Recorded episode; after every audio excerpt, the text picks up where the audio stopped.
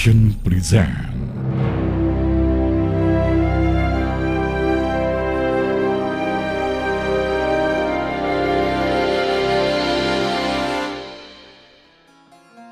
Assalamualaikum warahmatullahi wabarakatuh.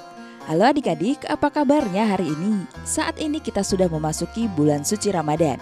Itu tandanya kita seluruh umat muslim wajib menjalankan ibadah puasa.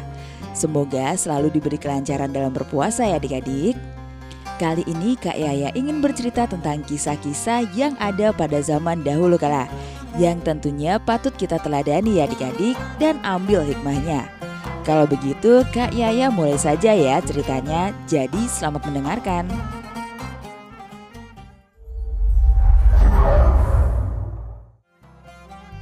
Kisah ini diriwayatkan oleh Syahik Al-Bahi tentang kerjasama antara Abu Hanilan dan Bishir. Ini merupakan contoh dari pedagang paling jujur dan suatu sikap yang mulia, namun langka di kalangan pedagang yang saling memburu keuntungan dengan segala cara. Di suatu pagi, seperti hari-hari biasanya, Bishir berdagang ke negeri Mesir dengan membawa 80 potong kain sutra. Semua barang dagangannya itu diperoleh dari Abu Hanifah. Di antara barang itu ada satu potong kain yang cacat atau kurang sempurna dan hal itu diberitahukan kepada Bishir agar berkata terus terang kepada calon pembelinya.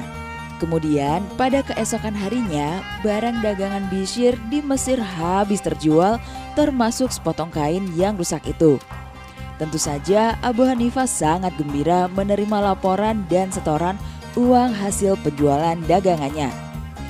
Namun tiba-tiba Abu Hanifah menjadi sedih ketika mengetahui bahwa sepotong kain yang rusak itu ikut terjual tanpa pembeli tahu keadaan kain itu sebenarnya. Kain itu terjual dengan harga yang biasa. Maaf, aku lupa mengatakan kepada pembeli jika salah satu kainnya ada yang rusak.